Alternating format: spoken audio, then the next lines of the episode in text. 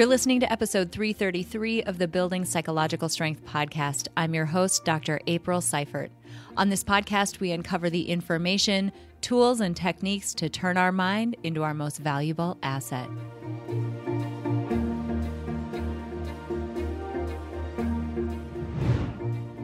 Hey everyone, welcome back to this episode of the podcast. I'm Dr. April, and I am so thrilled that you're here. You know, quite often I find myself digging around on Amazon looking at fun books that have either come out or are about to be released. And I'll come across books whose authors are incredible, who I absolutely need to get on the podcast. And that happened recently which is how this week's episode came to fruition. Specifically, I was out on Amazon and I discovered the book titled The Trouble with Passion How Searching for Fulfillment at Work Fosters Inequality. It was such an interesting title, I had to dive in. And I especially was curious about this because of the word passion. So, so many of us have been told to follow our passion, that we should do work that we are passionate about, and that if we aren't passionate with our jobs, something's wrong. We're living in the context right now where the great resignation, quote unquote, is happening, where people are leaving their jobs. They are not taking employment in certain industries or in certain types of jobs. And we're seeing a big reshuffling of how work gets done, by whom, and all of the parameters and assumptions around it. And this notion of passion was important there because so many times I've read countless blog articles from researchers and, and people who are really great thinkers who are pointing to the fact that, oh, people aren't finding passion and meaning in their work as the reason why this great resignation is taking place. So I knew I needed to to reach out to the author of the book. Her name is Erin Cech, and I wanted to see what she had to say about all of this, and that's where this week's episode came from. A couple quick bits of info on our guest. Uh, Erin Cech is an assistant professor of, so- of sociology at the University of Michigan, and her research, including the incredible amount of research that went into the book that I just mentioned. It investigates how seemingly benign and taken for granted cultural beliefs reproduce workforce inequalities. So, we're going to be talking about passion in that way today, but also there's a really cool connection here to life design. So, the Stanford University Life Design Lab recently, or in the past handful of years, released a book called Designing Your Work Life, and they make a similar point to what Erin, this week's guest, makes, and that is that our job is only one small portion of our lives. And we shouldn't look only to our job as our source of fulfillment, our source of passion, our source of expression and creativity, our source of identity. And Erin and frankly, Stanford, their life design lab, gives some incredible takeaway points, some incredible tips for how you can find more passion even if it isn't necessarily coming from your job, and how you can protect yourself from some of the things that we're going to talk about on this week's podcast episode. So, this was one that I absolutely could not miss doing. I absolutely had to go get her to be on the podcast, and I'm so thrilled that I did. So, hang out for a second, and we'll be right back with this amazing discussion with Erin Cech.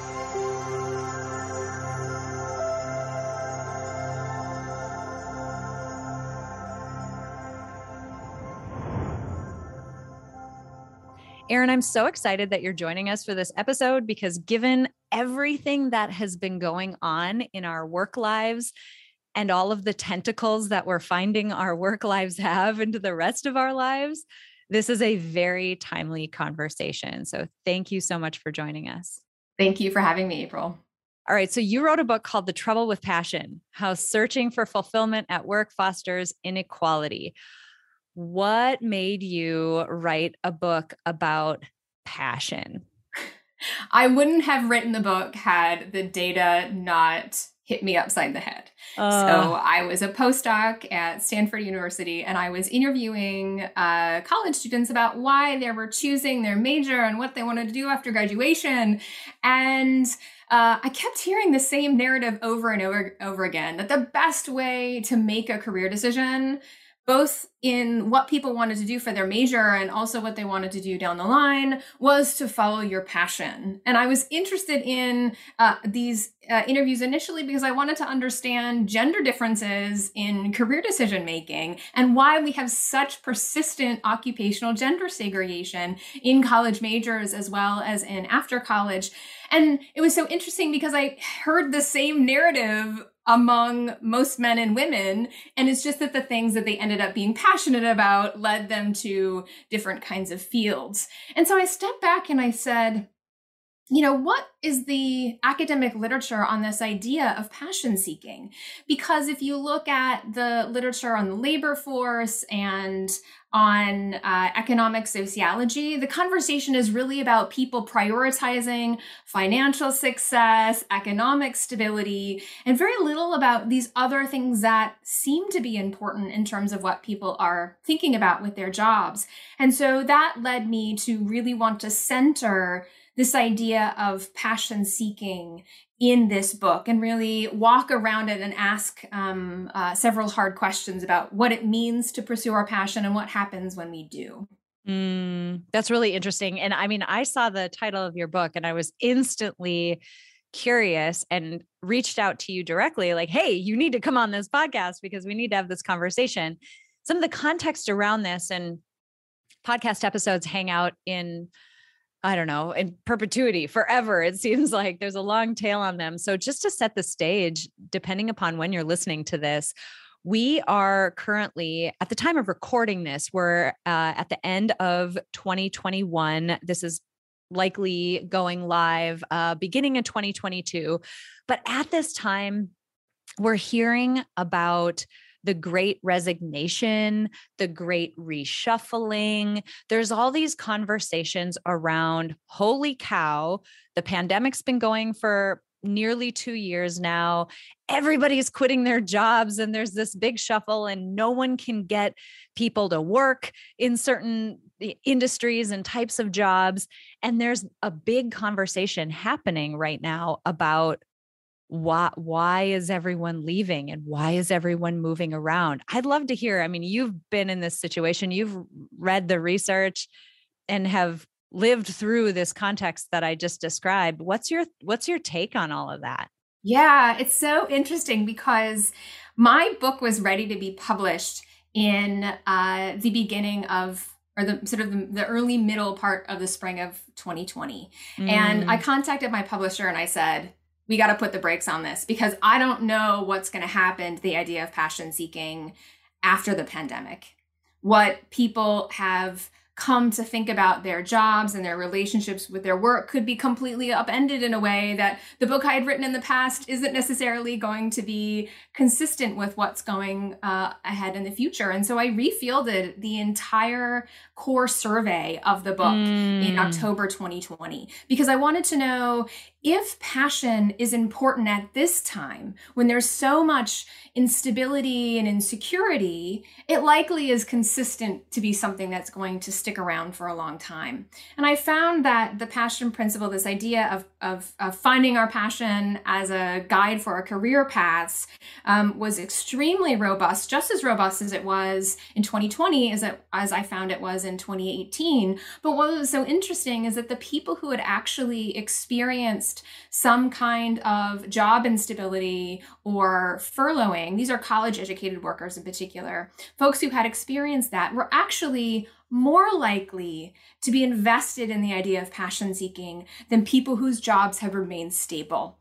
And that suggests to me that there is this space of deep existential insecurity that comes along with the economic and financial instability and, and, and, and insecurity with um, uh, employment instability in the pandemic.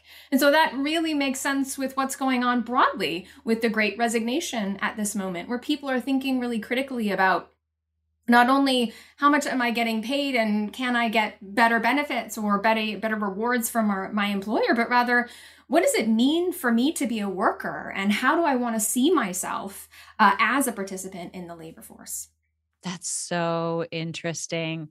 And I it came about, I I think you're totally right. And it came about in such an interesting way as we all uh I mean, frankly, I think a big driver of this is that we all took the biggest somewhat of a pause like and maybe you know you might have been in a situation depending upon who you are listening to this you might have been in a situation where you were still working whatever but when that big upheaval happened there was still even if it's just a mental pause or taking stock of what's happening we all just completely shifted our patterns which can put us into this mindset where we start to question things that we haven't before.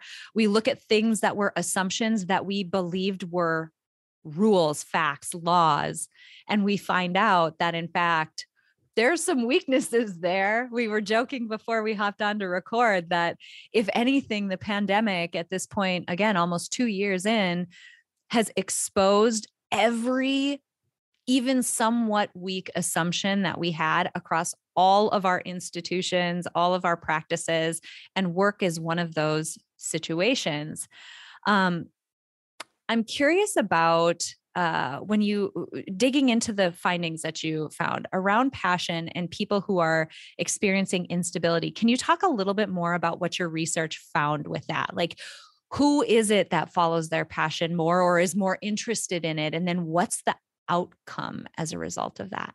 Sure. So, um, among the college educated workers that I uh, interviewed as well as surveyed, um, there was actually relatively little difference in uh, the commitment to the idea of passion seeking by sociodemographic characteristics. So, women were a little bit more likely to be invested in passion seeking than men were. Um, white workers were slightly more likely to be invested than African American and Asian workers were. Um, and those who um, had uh, more of a um, of a high, wealthy socioeconomic background were slightly less likely to be invested in passion seeking than those from um, lower income, working class, middle class backgrounds. But for the most part, for every demographic group that I looked at, the idea of prioritizing finding meaning and fulfillment at work was seen as not only important to their, their broad, sort of abstract sense of what it meant to have good work, but also in the way that they thought about their own career path and prioritizing their own career path. Um, and I also um, uh, talked to college students. Um, I interviewed 100 college students at three universities, um, seeking to understand this in a much more in depth way for people who are at the cusp of joining the white collar labor force. And I found similarly that there was little variation in um, attachment to the idea of following their passion. Uh, but one of the most striking findings of the book. And one of the biggest troubles with passion is that um, people are not equitably uh, set up for success in terms of their ability to follow their passion. Oh, let's double click in there. Tell me a little bit more about that. I'm so curious because that gets to the the crux of the title of your book. I would love to learn more about what you found there. Yes. So, if we tell somebody to follow their passion, the assumption with that is that as long as they put in the hard work and dedication that aligns with their sense of passion for the work that they will succeed. It presumes that that the labor force that that college in general operates meritocratically and that as long as you put in the time and put in the effort you will succeed. But we know stepping back that um, there's a lot of differences in who is able to um, get decently paying stable employment in the work. And so what I find is that even if lower income and uh, wealthier students were just as likely to be interested in seeking their passion after graduation, those who were from wealthier families had springboards and safety nets to be able to parlay their passion into some kind of gainful employment. And so those um, the the springboards were things like connections that their parents might have had to other people in industry that they could connect their their kids to.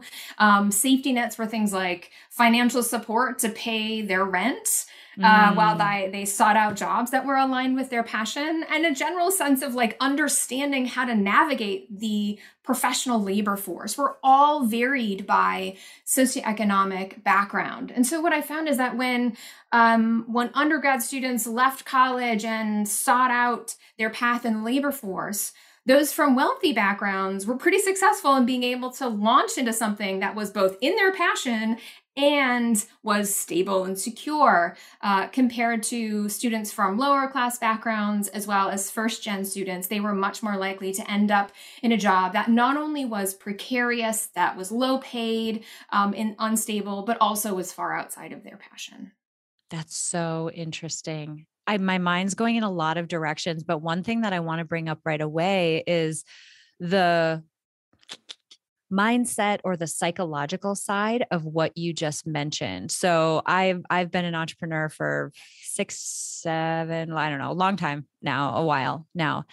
And it is difficult to overstate the impact that something like um, confidence and uh, feeling safe and the ability to take on risk has in your ability to be successful.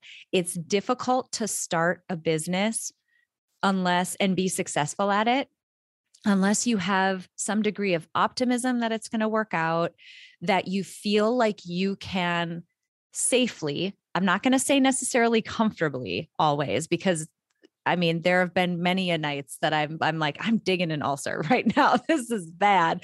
But from a from a basic needs standpoint that you can safely take on risk that's a very different standpoint like at no point in my journey personally have i ever questioned whether i was going to be able to put food on the table during my entrepreneurial journey. That is an incredible place of privilege to be able to take a risk and say, you know what, I'm not going to make any money for six months this year because I'm investing in some space in my business and I need that cash to go somewhere else and not to pay myself. That is an incredible point of privilege that allows me to take a risk that then pays off and helps me grow my business.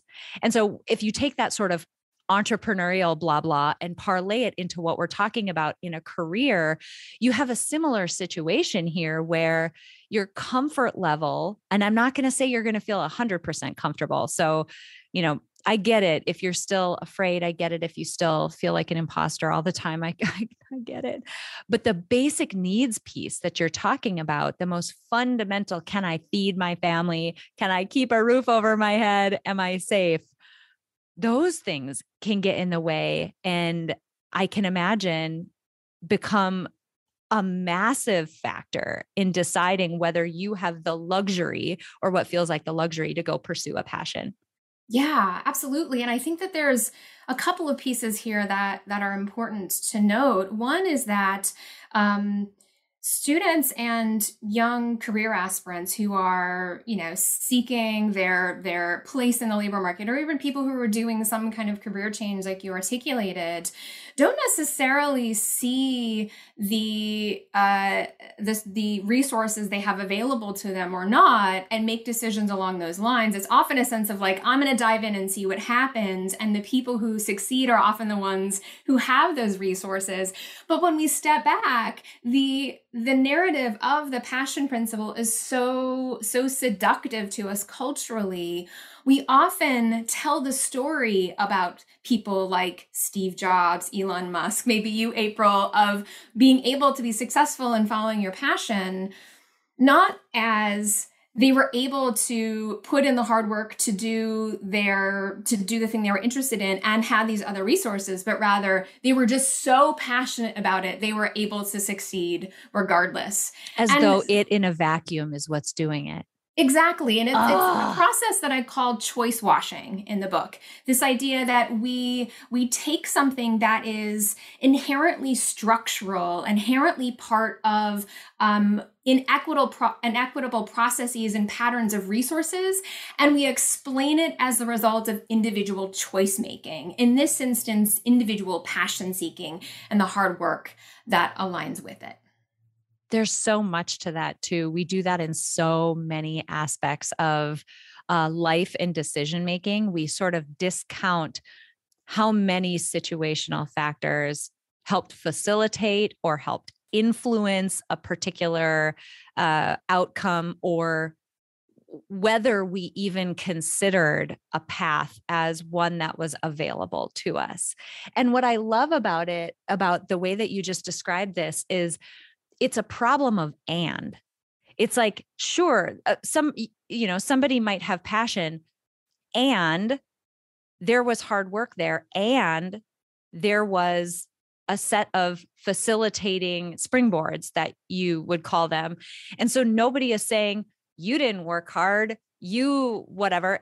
It's an and piece that the more of these ands you have you can see where it would catalyze you and sort of grease the wheels to help you go a bit further be and be more likely to be successful because you've got more of that lift underneath you helping to propel you. Right and um but there's also there's also pieces that are kind of structural and societal in the passion part of that and so when we think about the things that we're passionate about, those are things that we find fulfilling and self expressive, and those seem to us to be inherently individualistic. They belong to us, they're unique to us, and they are something that we continually work on and refine over the course of our lives. But we know that identities are deeply patterned by things like our gender, our race, ethnicity, our class, our nationality. And so when we go and align our life choices with our passion. When we go and find work that we're passionate about that aligns with our self expression, we often reproduce the same patterns of gender segregation and race segregation and class segregation that exists to have structured our sense of identity in the first place. And another piece of that that's so important is that when people pursue their passion and aren't successful for whatever reason because of this because of the choice washing that happens with passion seeking they often blame themselves they can't mm-hmm. see the mm-hmm. structural barriers that made it more difficult for them to succeed they take it on as their own personal failing at pursuing their passion because we say that yes. right like we especially in the US US have such an individualistic uh, view of people. We see and again, it goes back to what you said before, right? My success is mine. I don't have to point to the contextual factors. This was all me. I must not have worked hard enough. And there are a million factors that can influence that. I mean, at a micro level, I heard somebody say the neatest thing uh, recently. They said, don't confuse and this is ancillarily related, but worth bringing up. They said, don't confuse the quality of your decision with the quality of the outcome that it generated. It's sort of like shooting an arrow. The decision is the point where you pull the arrow back and you let it go. The bird that flies in and hits the arrow off course or whatever on the gust of wind or whatever outside of your control. So you may have worked your tail off. You may have made great decisions, but these circumstances that happen contextually also are part of that picture for better or worse you know it they can either help facilitate or they're helping to hold down but either way i see the cyclical nature of these forces that create our sense of identity, which then fuels us to make choices that align to it. It's so interesting and happens without us even realizing. Mm-hmm. Wow. Okay. So this is an it's an interesting thing to think about that from our own individual situations, right? Like me, April, I made career decisions based on what I found interesting. This is my individual life trajectory.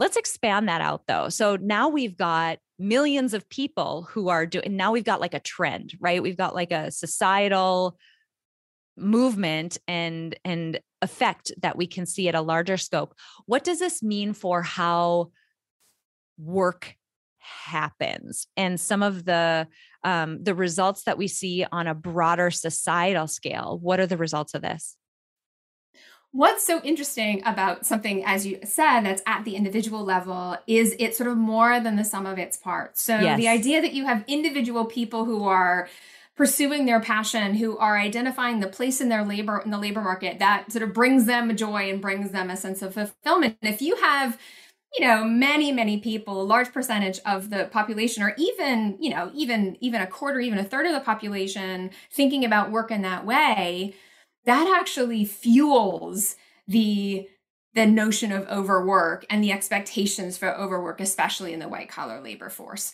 So, if you're a startup company and you're seeking to hire a new computer programmer and you have two applicants, one that expresses interest in the company and the location where the company is based, and one that sex- expresses interest in um, the work because they're passionate about it.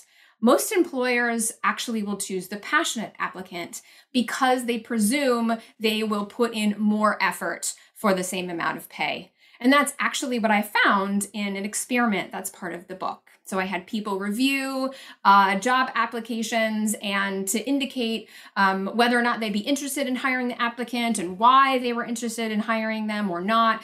And what I found is that not only did employers see that they would benefit from having somebody who was passionate about their work, but that it would be something that could be potentially exploited. That they would get more work out of the worker without an increase in compensation. And there was no difference in uh, the salary that were offered to the passionate versus the non-passionate person. They didn't get a they didn't get a premium uh, on their wages for their passion like a passion kicker on top of your salary. yeah, that's interesting because there's two sides of the coin. Like I can feel where people's minds are going.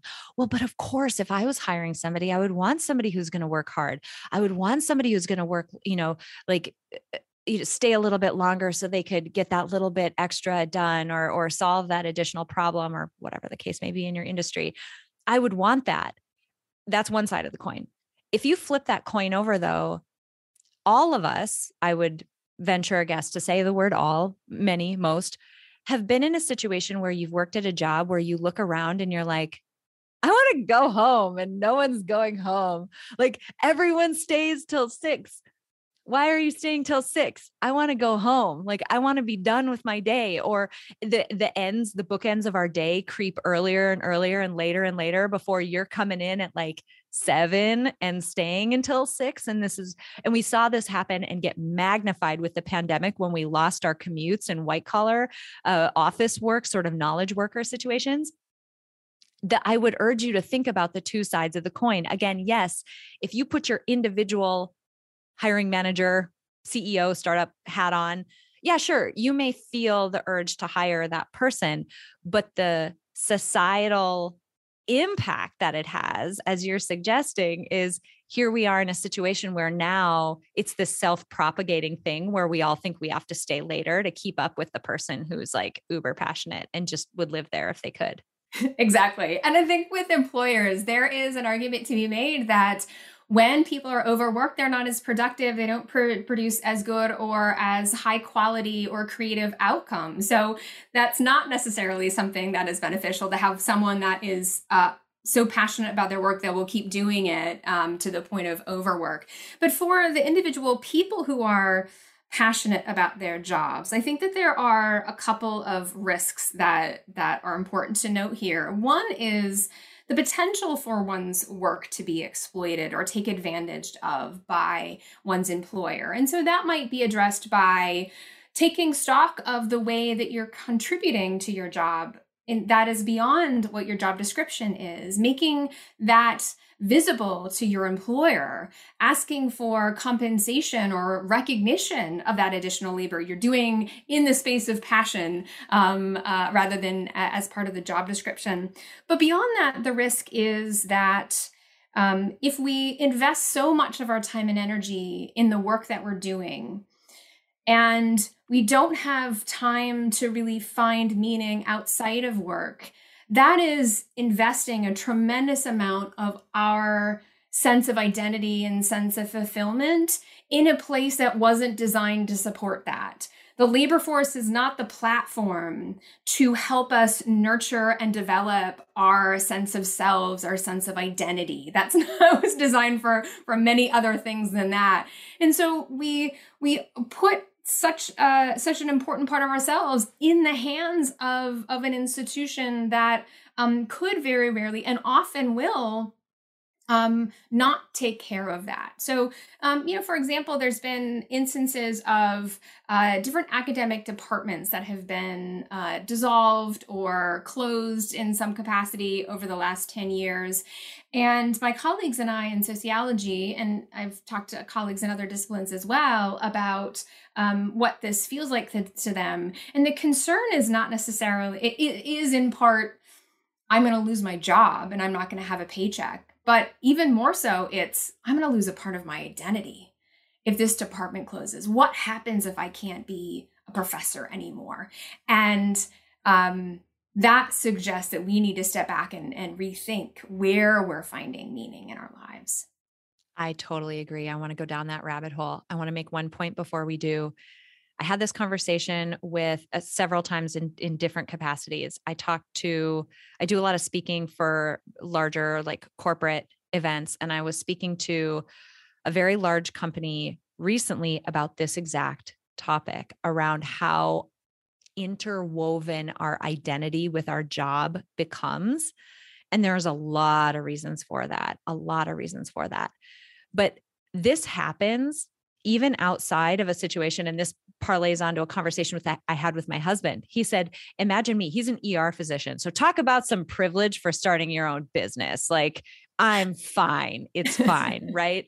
Gave me some serious traction there. But anyway, he was talking about how he sees it in his profession because your literal title changes when you graduate.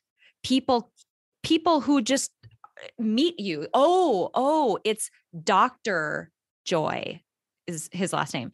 And you become a whole different person. Similarly, with a professor, you inherit that prefix to your name.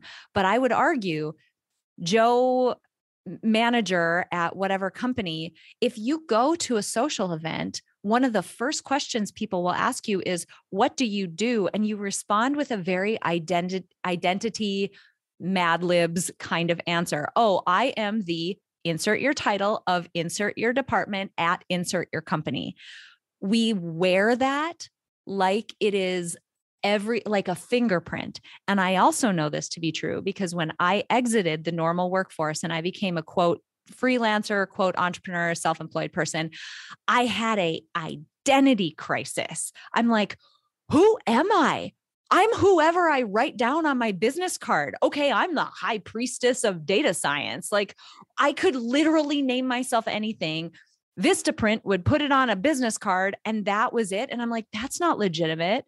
And it occurred to me, it doesn't matter. Someone's making up everyone's title. None of this is legitimate. That was crazy. But the the crisis and the weight that that shedding carried was insane. I couldn't believe it. So this happens to everyone, regardless of whether you have a like a postgraduate degree or you're a, one of the five uh, jobs that you knew existed when you were four years old or anything. It happens to all of us. It gets so all consuming. And then, therefore, our job, to your other point, and this is the rabbit hole I want to go down, becomes everything to us. We forget that we have lives, not not just a job. So I would love for you to go there, like talk a little bit about what you're finding in terms of like people who are focused solely on solely on their job as the be all end all of just fulfilling them in all of these ways. Mm-hmm. And, you know, to your point, that pressure to identify ourselves with our job starts way earlier. We ask yes. kids, what do you want to be when you grow up? And we expect an occupation as the answer to that. Yeah. Not, as I say in the end of my book, I want to be kind, or I want to be a good neighbor, or a good parent, or a community organizer, right? We, from the, in the US society generally, we tend to conflate a sense of self with an occupation. And that's that's that's dangerous for a whole host of reasons. But for those those, those individuals who their job is their whole life. And these aren't necessarily the people who are um, in the trenches of something that they are they're they're in the grind. They don't love it but they see it as an opportunity as a springboard to something else in their career. And they're just sort of doing it to to get the experience uh, and uh, and move on. But people who are in their job, they're loving it, they're passionate about it, and they're working 60, 70, 80 hours a week, more than that often for, for many. Mm-hmm. The concern there is you just don't have time to find other places to find meaning. Uh, and and the importance for people like that um, that how, how i call it in the book is the importance of diversifying your meaning making portfolio. And that is you know how can i make space in my life for things that i am passionate about that aren't tied to my work that give me a sense of fulfillment, that give me a sense of identity, so that if and maybe when my job disappears or all of a sudden things change at my organization and the job wasn't what it was before, that I don't have an anchor for my sense of identity anymore. Um, and I have to say that takes work to make room in your life for things that are not your work to be passionate about. As I've been going through the journey of thinking about this topic of writing this book, it was a hard thing for me. I am very invested, dare I say, passionate about these issues of workforce inequality. And so I spent nights and weekends working on this research. And as I was going through understanding the implications and the tentacles of the consequences of passion seeking in lives of individuals and in sort of collective issues, I had to come to terms with my own self and the way that I was using my time. And so I had to be really conscientious about saying, I'm going to stop work at this time and I'm going to go do the thing that I newly find passion for, painting, or pick up my violin that I used to be passionate about when I was in high school and relearn how to do that there. Um, but it takes time and it takes effort to do that. It's not something that's necessarily easy or comes naturally to a lot of folks who are so invested and so passionate about their jobs. I love this discussion because the audience that follows this podcast, you know, regularly knows what a love affair I have for the Stanford University Life Design Lab and the work that they do to help people be more intentional about their full lives. But one of their more recent books is called Designing Your Work Life. And they make a point that's very similar to yours, where they talk about um, three needs. Now these are not the only human needs but they they highlight three. One is financial security one is uh, impact and one is expression or like creativity. And so many times in the US, to the point that you've been making, we look to our job to be the be all end all of all three of those things. And it's true that as a human, if you had three cups you know of each representing one of those things you need to have those cups full but you're going to one place in your life in order to fill all of them and that might be unreasonable and if you think about job dissatisfaction you're looking at those three cups and you're saying I'm dissatisfied with my job because it's not being all these things to me. And it's funny because the the analogy that I used when I was speaking with this larger corporate client was I said, imagine the people, your support system in your life, right? So for me, I've got my husband, I've got my best friend, and I've got my brother. I'm going to highlight those three people. There are things that each of those people are uniquely great at. And I'm going to pick on my husband right now. I'm sorry, Jeremy. Dr. Joy. Anyway, uh, I'm going to pick on him right now. Um, poor thing, he's used to it he is exceedingly good at problem solving. He's an ER physician. He can do it like it, it's just so easy. His brain works that way. He's not great at holding space for an emotional problem that I don't want solved right now. I just want to chew on it a little bit. I'm not ready. He can't do that. My best friend can do that. But if I look to my husband to be the be all end all of all of the social support that I need, I'm going to be dissatisfied with him instead of recognizing what his role is in that whole web, going to him in the appropriate ways and filling those other cups up with the people who are able to do that or are more skilled or more naturally do that. And I love that, like, my empathetic holding space is your violin or painting. Like we have lives and other places we can go to fill those cups up, but we don't. And we sort of repeat the cycle of focusing only on our jobs. And I was, I'm like, I have to get this woman because this message needs to be out that people's lives are broader.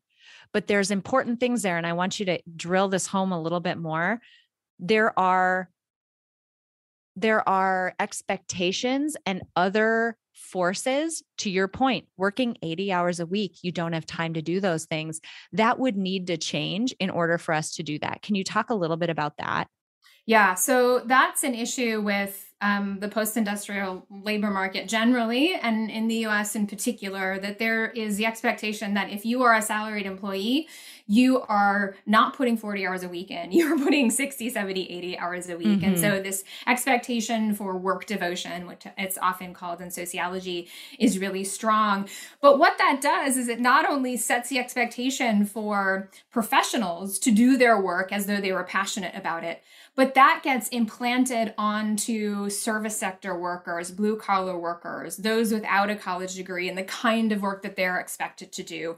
One of the things that's so striking to me is is once you look for it, you can see it all over. But um, for example, Starbucks placards um, advertising sort of on the street will often talk about the passion of their baristas to serve their customers.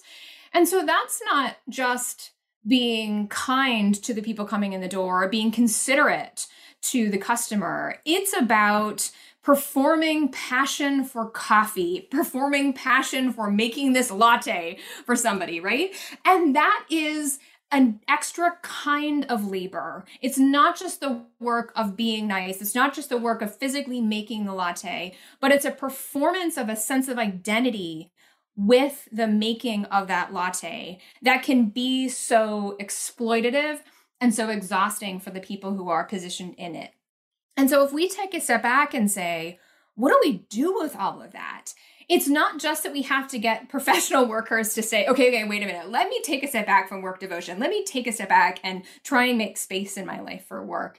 This is about pointing out and changing the things that make the labor force so precarious and problematic for everyone, regardless of whether or not they have a job that they might even be remotely passionate about.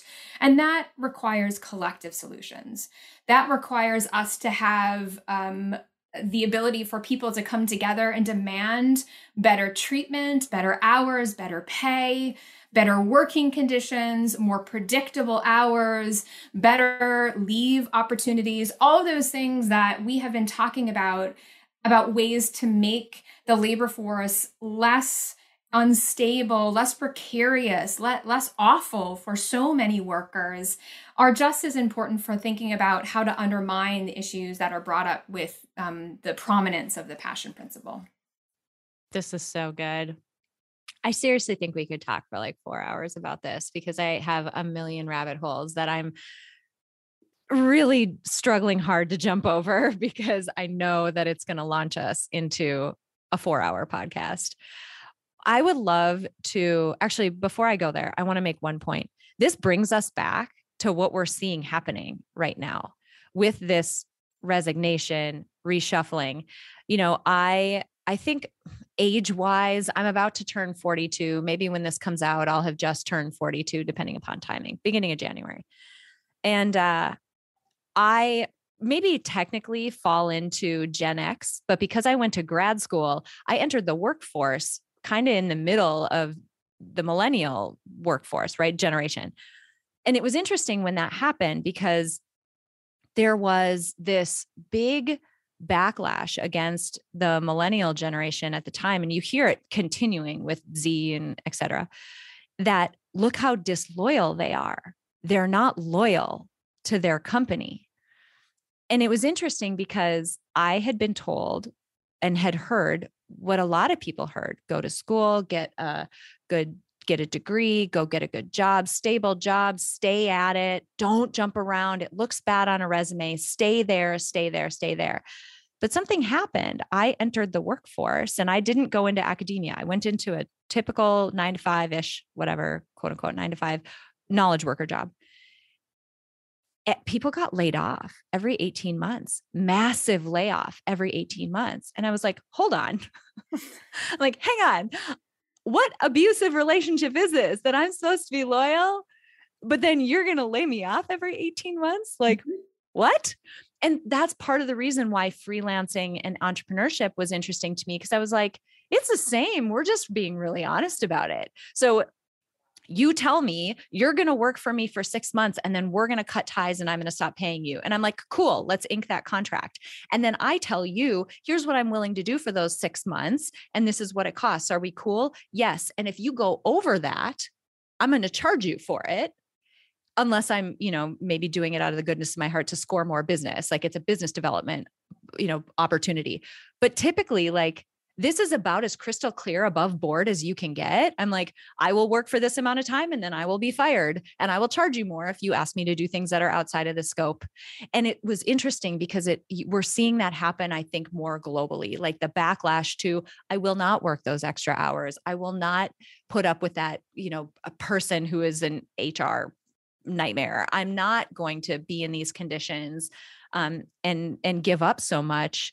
We're seeing it happen broadly. And I'm looking at this great resignation going, I don't think it's that confusing that we're seeing this.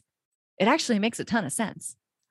Absolutely, it's an opportunity that we have rarely ever had, um, at least in in, uh, in the last three or four decades, for workers to say we might have a little bit more power than we had in the past to be able to articulate to our employers what we need from them, what we need from our work, and what we are and are not going to be willing to tolerate. I think the thing that I'm a little bit concerned about is that these are still more individual level actions where individual workers are negotiating with individual organizations for change.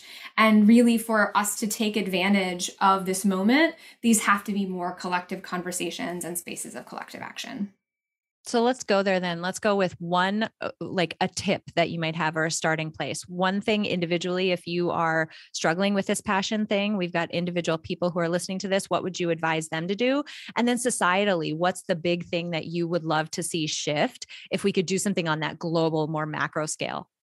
So, at the individual level, as I was saying, diversify your meaning making portfolio think hard about how tied you are to your job and what might happen to your sense of identity if that job like it happened to you disappeared uh, overnight. How would you cope? What would that mean to you? And how can you find other anchors in your life of that sense of identity more collectively, I think uh, all movements that allow us to um, increase the social safety net for workers are really important and really powerful. But I would say if I could wave a magic wand and make one very concrete thing, it would be reducing student loan debt. So, for example, I had a student that I spoke to, really passionate about music education, first gen student. Um, had over $70,000 of student loan debt after leaving college, went and started his music lessons business, was passionate about it, was actually really successful getting clients, but he couldn't get on top of his student loan payments fast enough. And so he had to leave his passion to go work at a UPS warehouse for a little bit more money than he was paying. So he was outside of his passion in something totally misaligned with the thing he was trained in because he didn't have the social safety nets that his peers had in terms of parental help in paying for his college. That's awesome. I love both of those. What, uh, as we're wrapping up, I have to ask you something I ask everybody. What's your definition of psychological strength? I think psychological strength is the ability to face challenges and take risks in one's life alongside a deep commitment to grow and to fail and do hard things, but to trust in oneself to be able to kind of climb up out of that and be okay. Erin, you're so awesome. This was such a great conversation. There is, I can tell you have, there's so much more we could say behind it. There's such great research behind it. Where can people connect with you? Where can they get your book if they're interested? Excellent. The book, The Trouble with Passion, is available at most online retailers, Amazon, um, uh, uh, indie books, etc. Um, and you can find me on Twitter at at Cech Erin, um, C E C H E R I N. Amazing. We'll link both of those things up in this uh, episode description on on your show notes page. Erin, I'm so glad that we were able to set this up and that you were with us today. This has been fantastic. My pleasure, April. Thank you for having me on. All right, friends, stick around for a little bit. I have a few more things that I need to get out there, a couple resources for you as a result of the conversation that we've had. So give me one sec and be back, and uh, we'll dive into those.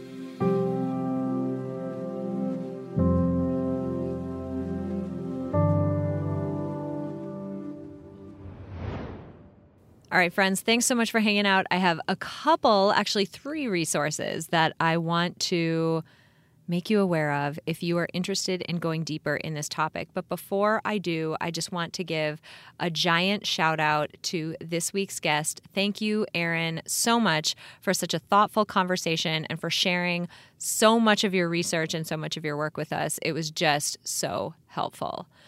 I want to talk about a few things. One, um, you know, we've talked a lot about how passion and in this episode we've talked about how passion isn't something that you should solely get at work that you can expand the places where you experience passion and where you feel engaged and where you have meaningful uh, interactions and activities beyond just what you do at work. But that doesn't necessarily mean you need to feel disengaged all the time. Now, there are a lot of ways to feel engaged at work, and one of them involves cultivating a sense of flow. So, if you've heard about the research on flow before, this is when you are in that state of mind where you lose sense of time, you're completely immersed in what you're doing, and you're really working at that optimal level of your ability level as it relates to the challenge at hand.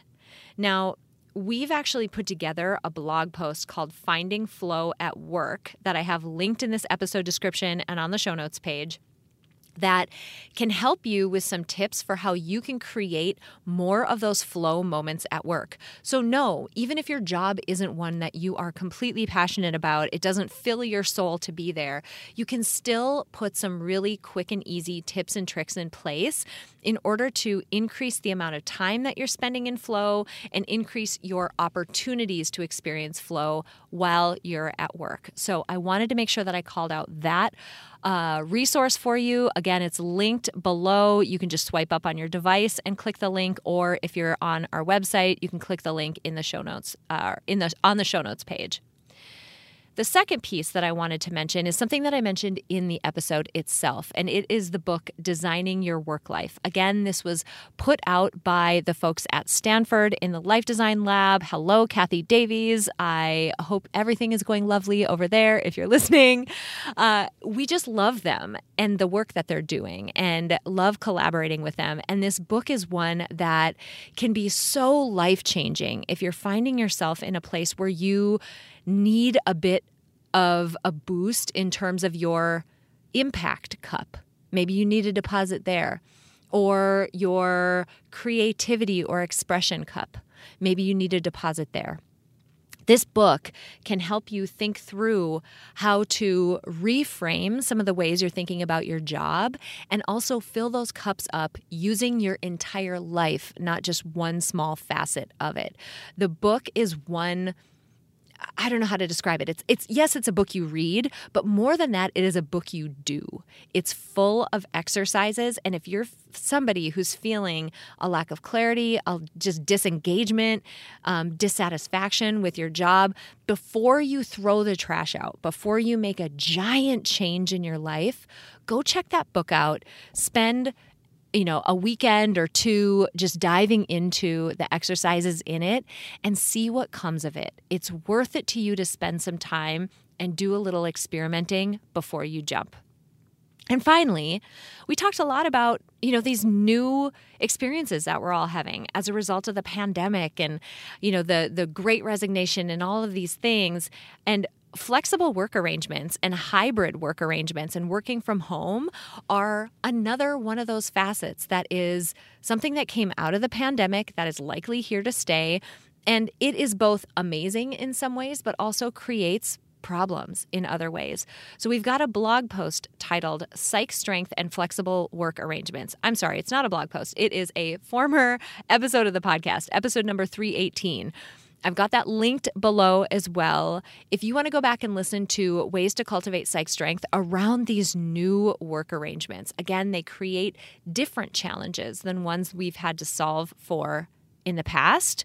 And it just means that we need to learn a new set of skills. So we want to start having that conversation. And if you know this conversation around, uh, you know, the Great Resignation and all the fallout from the pandemic got you thinking in that direction, check out episode 318 for a little bit more. All right, so just as a recap, today we heard from the amazing Erin Cech. We talked about passion and uh, how that relates to our engagement at work and the great resignation and so many pieces to that. So, thank you, Erin, so much for an incredible conversation. All of her information is linked below. And if you haven't yet left us a rating or a review on iTunes, if you benefited from this conversation in any way, please leave us a rating and a review. You have no idea how much it helps. And finally, as we close out, let's remember that time is the most non renewable resource on the planet, and I'm so grateful to each and every one of you who chose to spend some of your precious time with me today. I'm Dr. April Seifert, and I will see you next week.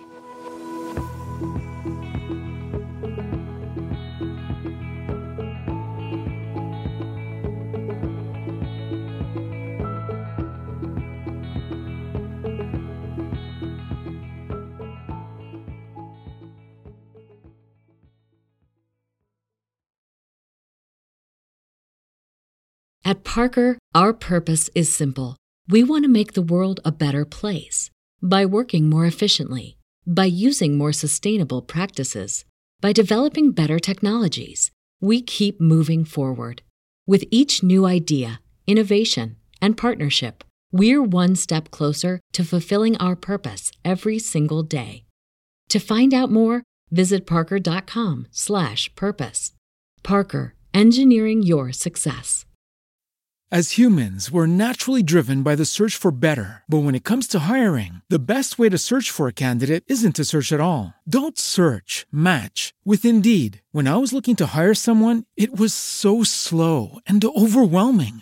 I wish I had used Indeed. If you need to hire, you need Indeed. Indeed is your matching and hiring platform with over 350 million global monthly visitors, according to Indeed data, and a matching engine that helps you find quality candidates fast. Ditch the busy work. Use Indeed for scheduling, screening, and messaging so you can connect with candidates faster. And Indeed doesn't just help you hire faster. 93% of employers agree Indeed delivers the highest quality matches compared to other job sites, according to a recent Indeed survey. And listeners of this show will get a $75 sponsored job credit to get your jobs more visibility at Indeed.com slash podcast. That's Indeed.com slash podcast. Terms and conditions apply.